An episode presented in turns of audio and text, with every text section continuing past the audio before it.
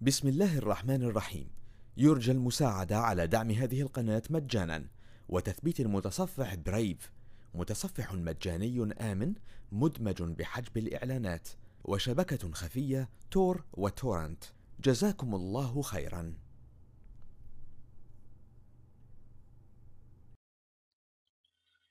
بسم الله الرحمن الرحيم. والصلاة والسلام على رسوله الأمين محمد صلى الله عليه وسلم. إخواني مهندسي الشبكات في العالم العربي السلام عليكم ورحمة الله وبركاته. أرحب فيكم أنا أخوكم حسن صالح مرشد من الشبكات الرقمية في الفيديو التاسع والخاص بمنهج ال Security Plus. شاهد تعلم واستمتع.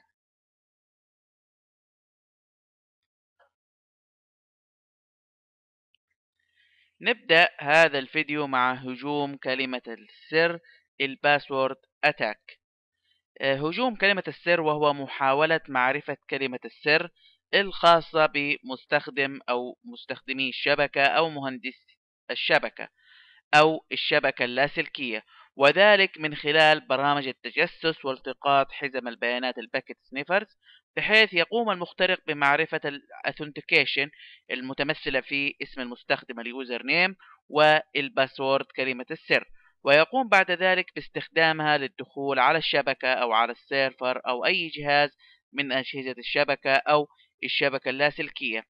الحل لهذه المشكلة هو في استخدام بروتوكولات تقوم بتشفير عملية ال authentication والتي تقوم بعملية ال hashing بحيث عندما يتم التقاط نسخة من ال authentication packet من قبل المخترق فإنه يحصل عليها مشفرة وبالتالي لا يمكن أو لا يتمكن من فهمها واستغلالها.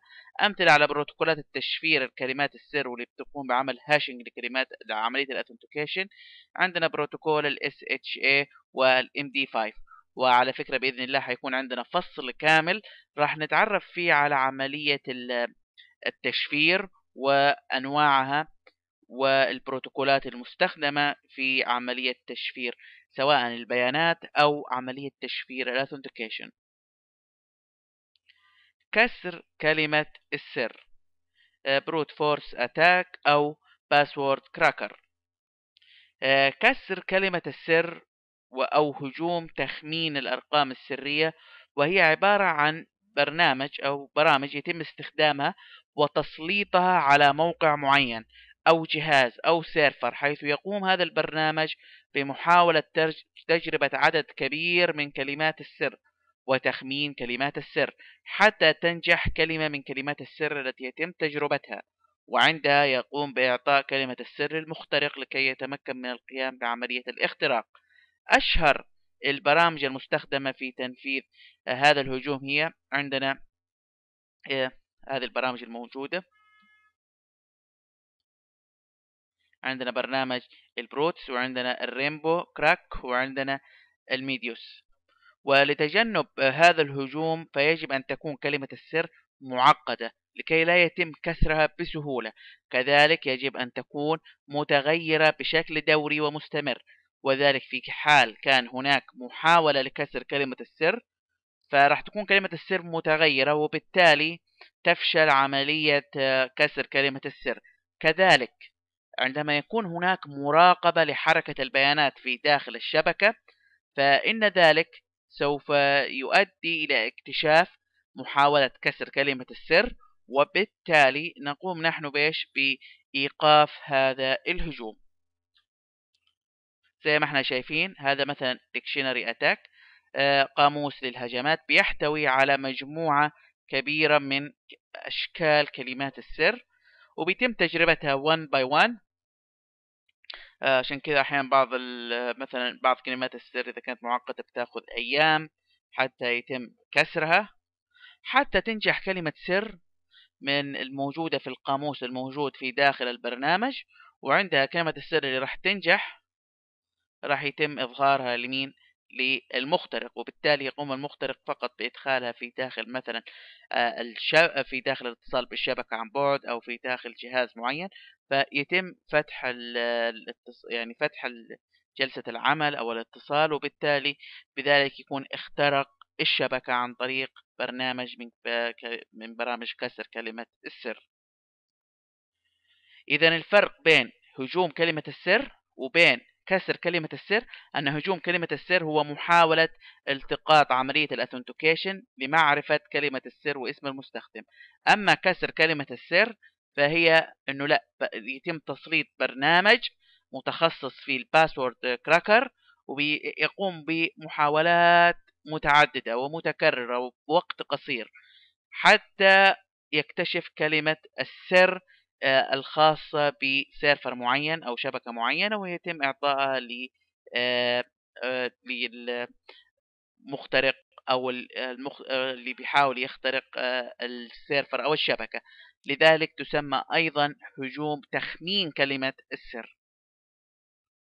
ال ActiveX attacks ال ActiveX لحالها كده من غير هجوم ال ActiveX ال ActiveX وهي مجموعة من البرمجيات المصغرة وغالبا ما تكون بلغة ال Java وهي لغة برمجية ويتم تنزيلها تلقائيا عند زيارة صفحات الإنترنت لكي تتمكن من رؤية محتويات الصفحة ويتم تنزيلها عند زيارة صفحات آه، بعض مش كل الصفحات بعض صفحات الإنترنت بيكون فيها مثلا آه، أيقونات معينة نوافذ معينة فلكي تتمكن من رؤيتها يتطلب ذلك تنزيل برمجيات ال ActiveX ويتم استخدام برامج ال ActiveX بكثرة في وضع برامج خبيثة في داخل ال ActiveX مثل الفيروسات الديدان برامج التجسس برامج الإعلانات مما يعود بالضرر على جهازك والشبكة. ولكي نتجنب هذا الهجوم فيجب أن يتم إعداد متصفح الإنترنت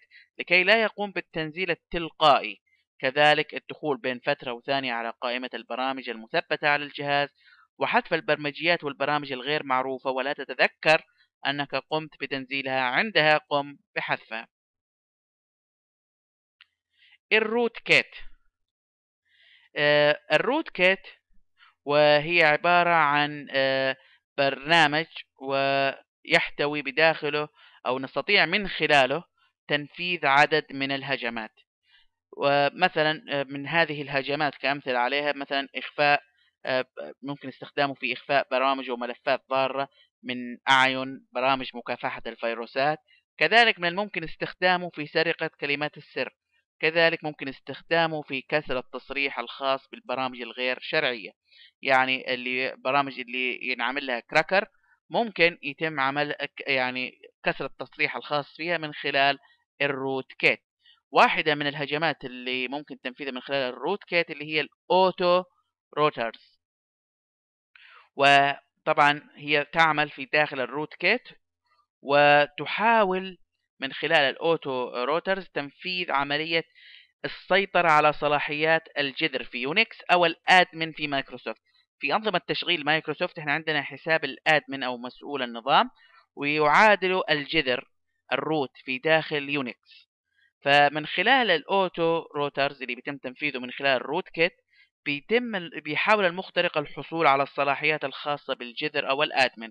وذلك يتم في آه، حالة تخفي دون أن يشعر نظام التشغيل بذلك وعندما ينجح في مهمته فإن المخترق سوف يملك صلاحيات كاملة على جهاز الضحية. برامج الرعب scareware آه، نلاحظها عند استخدام الإنترنت خصوصا مؤخرا حيث أثناء تصفحنا للإنترنت تظهر نوافذ صغيرة منبثقة تخبرك بأنه تم اكتشاف فيروسات خطيرة. موجودة على جهازك أو آه، أن هناك برامج تجسس موجودة آه، على جهازك أو أن جهازك بطيء جدا. وهو هنا بيعرض عليك أنه هو اكتشف هذه المشكلة وأنه بيقدم لك حل لهذه المشكلة الموجودة في جهازك مجانا. آه، سواء كان برنامج لتسريع الجهاز أو لحذف البرامج والملفات الضارة ومكافح أو مكا... يكون عبارة عن مكافحة الفيروسات. وطبعا هذه النسخ بتحتوي على برامج ضارة وفيروسات. يعني الفكرة تعتمد على الخدعة بحيث يرعب المستخدم والذي سوف يقع في المصيطة عند تنزيل البرامج والتي يقدمونها له. طبعا يعني بيقول لك أنت عندك فيروس وهو أساسا ما عنده أي علم إذا كان جهازه فيه فيروس أو لا. يعني هو بس بيظهر لك رسالة كذا هي كدعاية. فأنت عشان تتخلص من الفيروس بتضغط على الموافقة إنه بيتم تنزيل برنامج لكي يخلصك من الفيروس الموجود على جهازك. وأنت في الأساس مو هو ما بيخلصك من فيروس هو بينزل لك فيروس على الجهاز أو برنامج تجسس على الجهاز. الحل لتجنب هذه المشكلة اللي هي خاصة بالسكير وير هي آه هو عدم الانسياق وراء هذه التحذيرات المزيفة وعدم النقر عليها ابدا. يعني لما نشوف نوافذ تظهر على شكل إعلانات بتخبرنا إنه جهازك مصاب بفيروس أو جهازك بطيء أو جهازك فيه برامج تجسس نتجاهلها تماما وعدم النقر على عليها لأنه لو نقرنا عليها نحن نجلب لأنفسنا البرامج الضارة. وهي فقط برامج رعب لا أساس لها من الصحة. ال hoaxes. وهي أن يقوم المخترق بإرسال رسالة بريدية لآلاف العناوين البريدية يخبرهم فيها أن أجهزتهم تحت سيطرة فيروس خطير وأنه يتوجب عليهم أن يقوموا بخطوات مثل تنزيل برامج معينة تحتوي على برامج خبيثة تجعل المهاجم يسيطر على جهاز الضحية. هي نفس فكرة آه ال scareware بس ال scareware لا هي بتظهر على شكل دعاية أثناء تصفحك للإنترنت. أما ال hoaxes فهي تظهر على شكل آه رسائل بريد إلكتروني تخبرك أن في مشكلة في جهازك أو تم اكتشاف فيروس خطير في جهازك أو برنامج ضار موجود على جهازك وأن الحل في الرابط اللي راح يعطيك إياه من خلال البريد الإلكتروني. فلما تقوم أنت بالنقر عليه طبعا راح أنت بتنزل على نفسك برامج ضارة وفيروسات.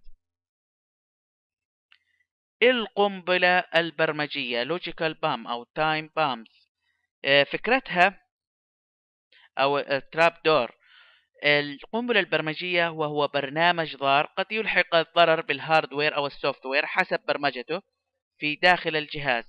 آه، مثلا يقوم بإطلاق فيروس معين. آه، ولكن هذا البرنامج لا يعمل إلا عند تحقيق شرط معين مثل أن تعمل في تاريخ وساعة معينة أو عند عمل تشغيل برنامج معين أو أن يكون مصمم القنبلة البرمجية مهندس شبكة يعمل في داخل الشبكة آه، في داخل الشركة. وصمم هذه القنبلة حيث تنفجر عند مسح اسمه من كشوف الرواتب. إحنا عارفين إن أي شخص لما تمسح اسمه من كشوف الرواتب فذلك يعني إنه خلاص آه، أصبح لا يعمل في داخل الشركة. فممكن كعملية انتقامية وقتها تنفجر القنبلة بحيث يكون انتقم مثلا من الشبكة التابعة للشركة الذي الذي كان يعمل فيها. إذا القنبلة البرمجية هي عبارة عن برنامج ضار فيروس ضار آه، طبعا ولكن هذا محكوم بشرط معين. إذا تحقق انفجر. انفجرت القنبلة بالضرر اللي موجود فيها. وإذا لم يتحقق الشرط فتظل ساكنة في داخل الجهاز أو في داخل الشبكة منتظرة تحقق الشرط حتى تنفجر بالضرر اللي موجود فيها. قراصنة النطاق ال domain name kiting وقراصنة النطاق وهو يعني أن يقوم المخترق باستغلال خاصية تقدمها منظمة ال ICANN. وهي فكرة استغلال فترة الخمس أيام تجربة لعنوان نطاق الإنترنت بدون دفع رسوم. يتم استغلال ذلك من قبل مهاجم الشبكة لإنشاء موقع نصب واحتيال بعملية سريعة بحيث بعد الخمسة أيام يختفي ويصبح ليس له أثر. لتجنب عدم الوقوع آه، الضحية لهذه لقراصنة النطاق يجب قبل التعامل مع موقع شركة التأكد من الشركة نفسها أن الموقع فعلا تابع لها بالفعل وليس موقع مزور. كذلك التأكد من مدة بقاء الموقع وعمله في الإنترنت فكل ما كانت مدته أطول كل ما كان موثوق فيه أكثر. التعرف على الشبكة. إيه التعرف على الشبكة؟ وهي عملية التعرف آه، على الشبكة وذلك من خلال جمع المعلومات عنها قبل اختراقها حيث يقوم المخترق بجمع أكبر قدر من المعلومات عن الشبكة والسيرفر لكي يتمكن من معرفة النقاط التي من الممكن استغلالها لكي يقوم بعملية الاختراق من هذه المعلومات ما هي أنظمة التشغيل الموجودة في أجهزة الشبكة وسيرفراتها؟ العناوين المستخدمة في الشبكة عدد السيرفرات وأنواعها وغيرها من المعلومات التي تعطيه شكل الشبكة لكي يقوم بتحديد الطريقة المناسبة لاختراقها مما يجعله يكتشف ويفحص نقاط الضعف الموجودة في داخل الشبكة. فممكن يبحث عن نقاط الضعف ممكن يبحث عن المنافذ الموجودة والمفتوحة في داخل الشبكة. طبعا جمع المعلومات واحدة من الأشياء المهمة لمخترق قبل أن يخترق الشبكة أو سيرفر معين بيجمع معلومات عنه لأنه فعليا كيف ممكن أنه ينفذ هجوم واختراق لشيء معين لشبكة أو لسيرفر دون أن يمتلك معلومات عن هذا الجهاز أو عن الشبكة.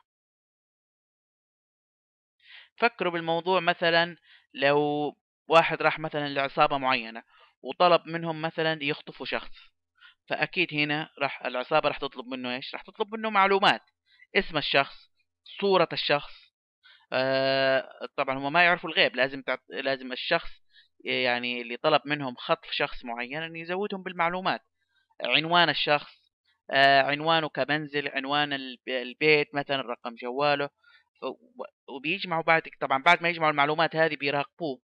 وبيشوفوا مثلا آه، الطرق اللي بيسلكها عاداته اليومية قبل أن يقوموا بعملية الخطف. فبالتالي لابد أن يجمعوا معلومات عنه لكي ينجحوا في عملية الخطف. نفس الفكرة اللي موجودة في الحياة الواقعية هي أيضا موجودة في الجرائم الإلكترونية بحيث قبل تنفيذ مثلا هجوم على شبكة معينة أو على موقع معين لابد أن يقوم المخترق أولا بجمع معلومات من خلال هذه المعلومات بيحدد نقاط الضعف اللي ممكن يستغلها لكي ينجح في تنفيذ آه، هجومه على الشبكة أو على السيرفر.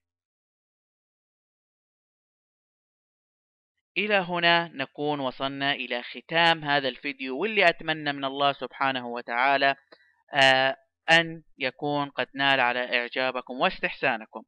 وحتى ألقاكم في الفيديو القادم أستودعكم الله الذي لا تضيع ودائعه. كان معكم حسن صالح مرشد من الشبكات الرقمية. والسلام عليكم ورحمة الله وبركاته.